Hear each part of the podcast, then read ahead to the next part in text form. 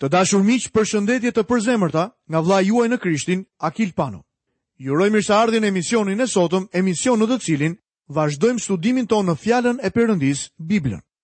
Ju kujtoj që sot jemi duke vazhduar studimin nga letra e apostullit Pal, letra e tij e parë drejtuar Korintasve në kapitullin e 11. Në këtë kapitull do të shohim dy çështje: veshjen e grave dhe darkën e Zotit. Sapo kemi mbyllur pjesën që bënte fjalë për lirinë e krishterë, që filloi në kapitullin e tetë dhe zgjati deri në vargun e parë të këtij kapitulli. Tani Pali do të trajtojë disa çështje të tjera, për të cilat kisha e Korintit i ka shkruar atij.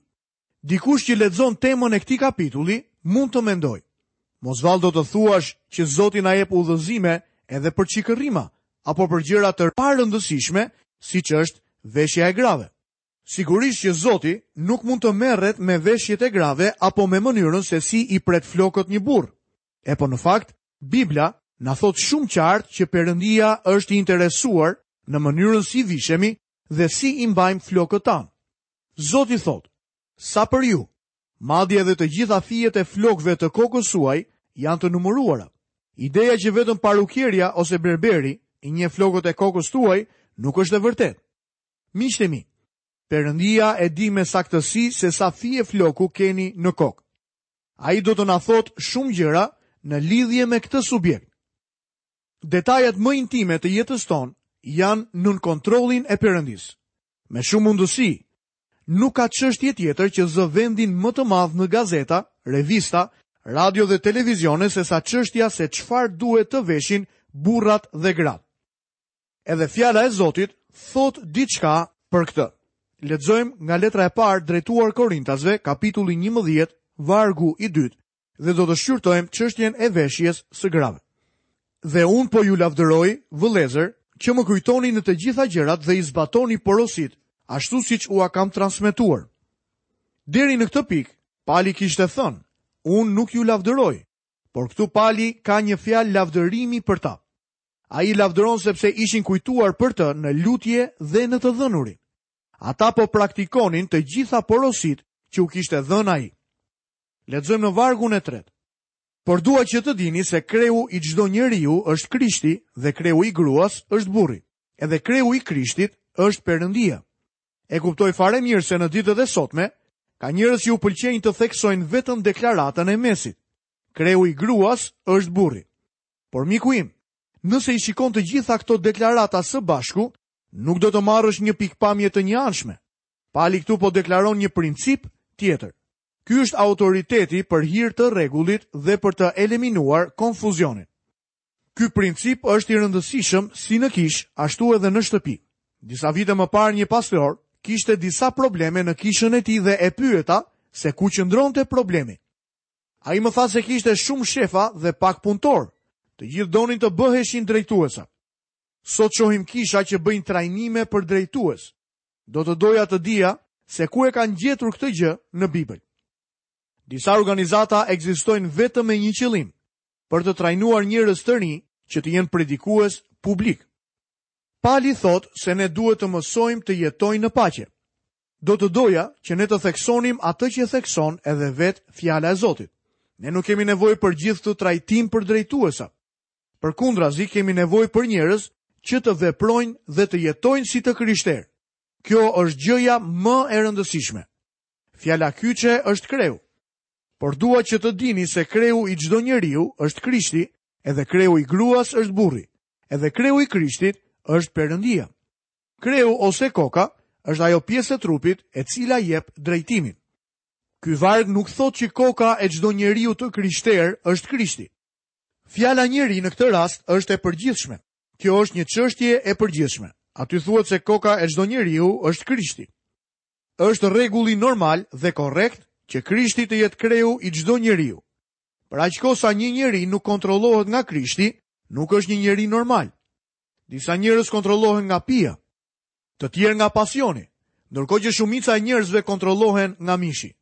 Çdo njeri duhet të kontrollohet prej Krishtit.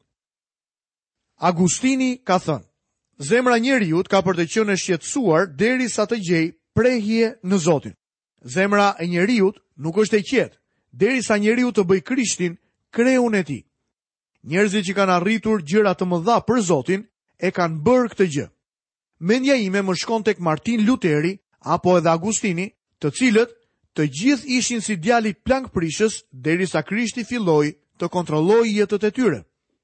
Shpesh dëgjoj njerëz që thonë, ai është i krishterë, po a kontrollohet nga Krishti, kjo është gjëja më kryesore, çfarë po thotë Pali. Kreu i gruas është burri, Vini re nuk thuhet kreu i çdo gruaje është burri, kjo është absolute. Ky varg i referohet martesës ku gruaja duhet t'i përgjigjet burrit. Është më se normale që një grua në martesë të jetë e varur ndaj burrit të saj. Nëse një grua nuk e shikon në sy një burrë, nuk e respekton atë.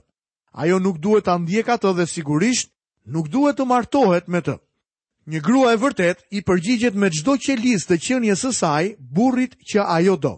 Ai si rezultat duhet të jetë burri i cili është i gatshëm të vdesë për të. Ju burra t'i doni gratë tuaja, sikurse edhe Krishti ka dashur kishën dhe e ka dhënë veten e vet për të. Doktor Campbell Morgan më tregoi një herë për një shoqen e tij dhe të gruas së tij, që ishte një grua e shkëlqyer. Ajo kishte një personalitet të fortë, ishte një person i jashtëzakonshëm dhe nuk ishte e martuar. Një herë ai e pyeti, përse nuk je martuar asnjëherë? Përgjigja e saj ishte, nuk kam gjetur asnjë burrë që të më zotërojë, kështu që ajo nuk ishte martuar kurrë. Mund t'ju them se nëse ajo grua e gjen atë burrë, do të bënte gabim të madh të martohej me të. Nëse do të martohej me atë zotëri, duke filluar që nga ajo ditë, do të kishte probleme. Kreu i Krishtit është Perëndia. Këtu jepet një mister i madh. Jezusi tha: Unë dhe Ati jemi një. Por ai gjithashtu tha: Sepse Ati është më i madh se unë. Në punën e shpengimit, Jezusi mori vullnetarisht një vend më të ulët dhe u bë më i ulët se engjëjt. Ai eci në rrugët e ulëta këtu mbi tokë.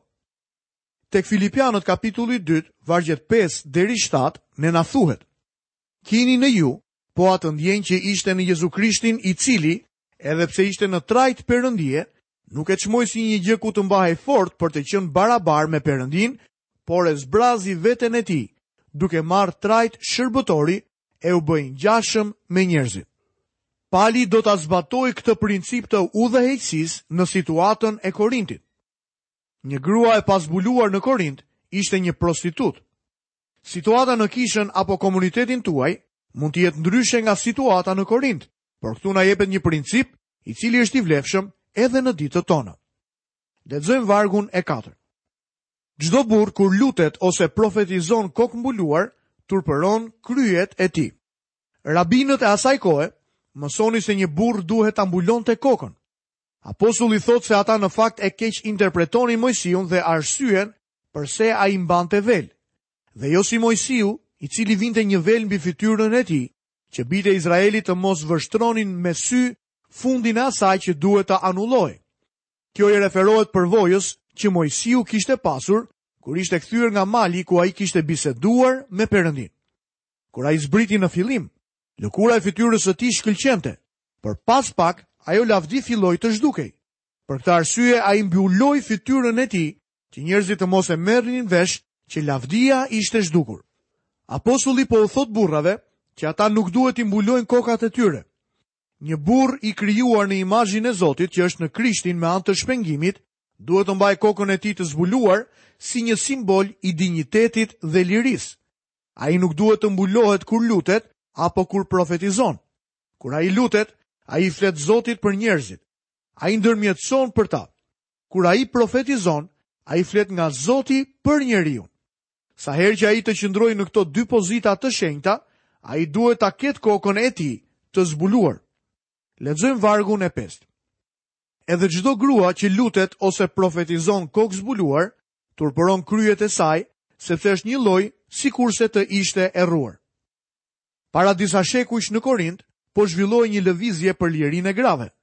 Por kjo lëvizje po shkonte në drejtimin e gabuar. Apostulli Pal thotë se burri duhet ta mbajë kokën e tij zbuluar, por gruaja duhet ta mbulojë kokën e saj. Dua të vini re këtë frazë. Çdo grua që lutet ose profetizon gjë që do të thotë se një grua mund të lutet dhe të flasë në publik, njerëzit që mendojnë se Bibla thotë që një grua nuk duhet t'i bëjë këto gjëra, e kanë plotësisht gabim. Gruaja ka të drejtë t'i bëjë këto gjëra nëse Zoti i ka dhënë asaj dhuntinë. Disa gra e kanë këtë dhunti. Njoh gra që janë mësuese të jashtëzakonshme të Biblës. Ato mund të mësojnë çdo burrë.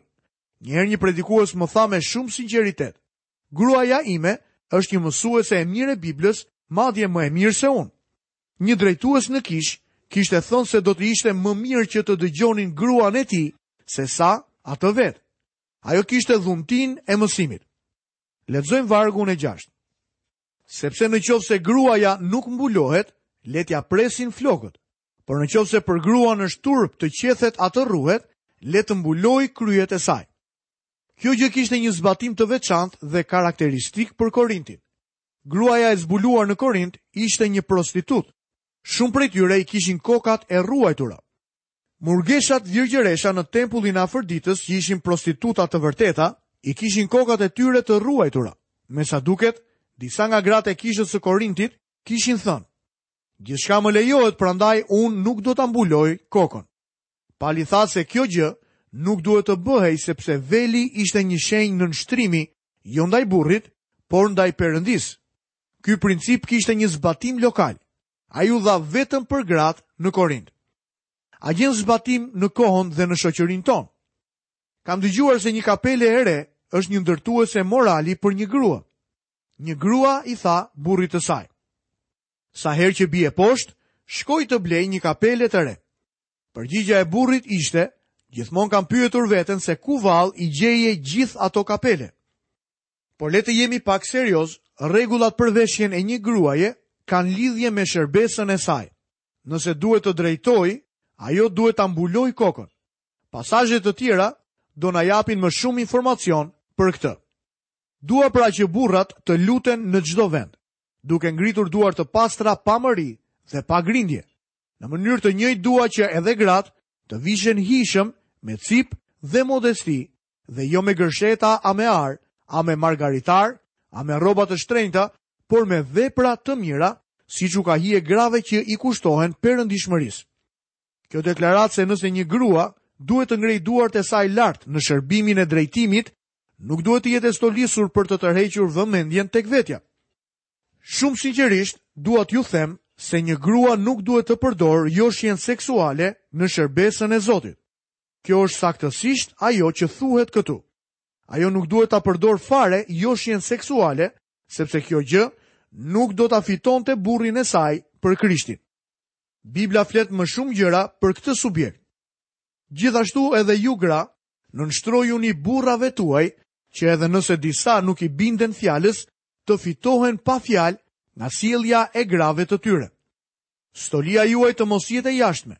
Gërshetimi i flokëve, stolisja me ar ose veshja me rroba të bukura, por njeriu i fshehur i zemrës me pastërtinë, që nuk prishet të një shpirti të butë dhe të qetë, që ka vlerë të madhe përpara Perëndisë. Zoti po thotë që një grua nuk mund ta fitojë burrin e saj për Krishtin me anë të joshjes seksuale. Kjo nuk do të thotë që ajo nuk duhet të jetë joshëse për burrin e saj, por do të thotë që një grua nuk e fiton kurrë burrin e saj për Krishtin me anë të joshjes. Në Bibël janë disa gra që kanë përdorur joshjen seksuale. Jezebeli, Esteri dhe Salomeja. Pastaj janë edhe disa gra të tjera të cilat qëndrojnë si gra të mrekullueshme që përdori Perëndia. Sara, Debora, Ana, Abigaili dhe Maria, nëna e Jezusit. Pastaj thuhet diçka edhe për burrat. Ju burra, gjithashtu jetoni me gratë tuaja me urtësi, duke e çmuar gruan si një enë më delikate dhe e nderoni sepse janë bashkëtrashëgimtare me ju Të hirit të jetës që të mos pengohen lutjet tuaja. Shumë familje sot i kanë lutjet e penguara, për shkak se burrat dhe gratë nuk shkojnë ashtu siç duhet. Pali kthehet sërisht tek principi që ai dha për burrat në vargun e 4. Lexojmë në vargun e 7 deri në vargun e 9. Sepse burri nuk duhet të mbulojë kryet, sepse është shëmbëllimi dhe lavdia e Perëndisë, kurse gruaja është lavdia e burrit. Sepse burri nuk është nga gruaja, por gruaja nga burri. Edhe sepse burri nuk është nga gruaja, por gruaja nga burri, edhe sepse burri nuk u krijua për gruan, por gruaja për burrin. Vendi i gruas është të jetë një ndihmë e leverdisshme për burrin. Ajo duhet të jetë pjesa tjetër e tij. Asnjë burrë nuk është i plotë pa gruan e tij, përveçse në rastet kur Zoti i jep një hir të posaçëm burrit për një punë të veçantë. Dëgjoni vargun tjetër. Lexojmë në vargun e 10. Prandaj gruaja, për shkak të ëngjëjve duhet të ketë një shenjë pushteti mbi kryet. Këtu jepet një referencë për ëngjëjt që nuk e kuptoj. Gjithsesi, mendoj se ne vëzhgohemi nga inteligjenca e krijuar e Zotit. Në këtë botë të vogël, ëngjëjt na shikojnë. Ata kanë zbuluar dashurinë e Zotit sepse ata e dinë që ne nuk jemi të denjë për dashurinë e tij. Ata me shumë mundësi mendojnë se Zoti do kishte bërë mirë të na hiqte qafe. sepse jemi krijesa rebele në universin e tij. Por ai nuk e bëri këtë gjë. Të dashur miq, Perëndia na do. Shfaqja e dashurisë së tij është në hirin e tij që na shpëton. Ëngjëjt ndoshta habiten me hirin dhe durimin e tij me njeriun e vogël. Lexojmë vargun e 11. Gjithsesi në Zotin, as burri s'është pa gruan, as gruaja pa burrin. Fuqia e gruas është të mbajë burrin e saj, sepse ajo është grua. Burri e mban gruan e tij, sepse është një burrë. Kjo është marrëdhënia martesore që ka rregulluar Zoti. Kur kjo marrëdhënie nuk ekziston, atëherë ideali i Perëndisë humbet. Lexojmë vargun e 12. Sepse sikurse gruaja vjen nga burri, ashtu edhe burri lind nëpërmjet gruas dhe kjo gjë vjen nga Perëndia. Ata janë të pandashëm. Burri nuk është një sferë, por një gjysëm sfere. Po kështu gruaja nuk është një sferë e plotë në veten e saj, por një gjysëm sfere.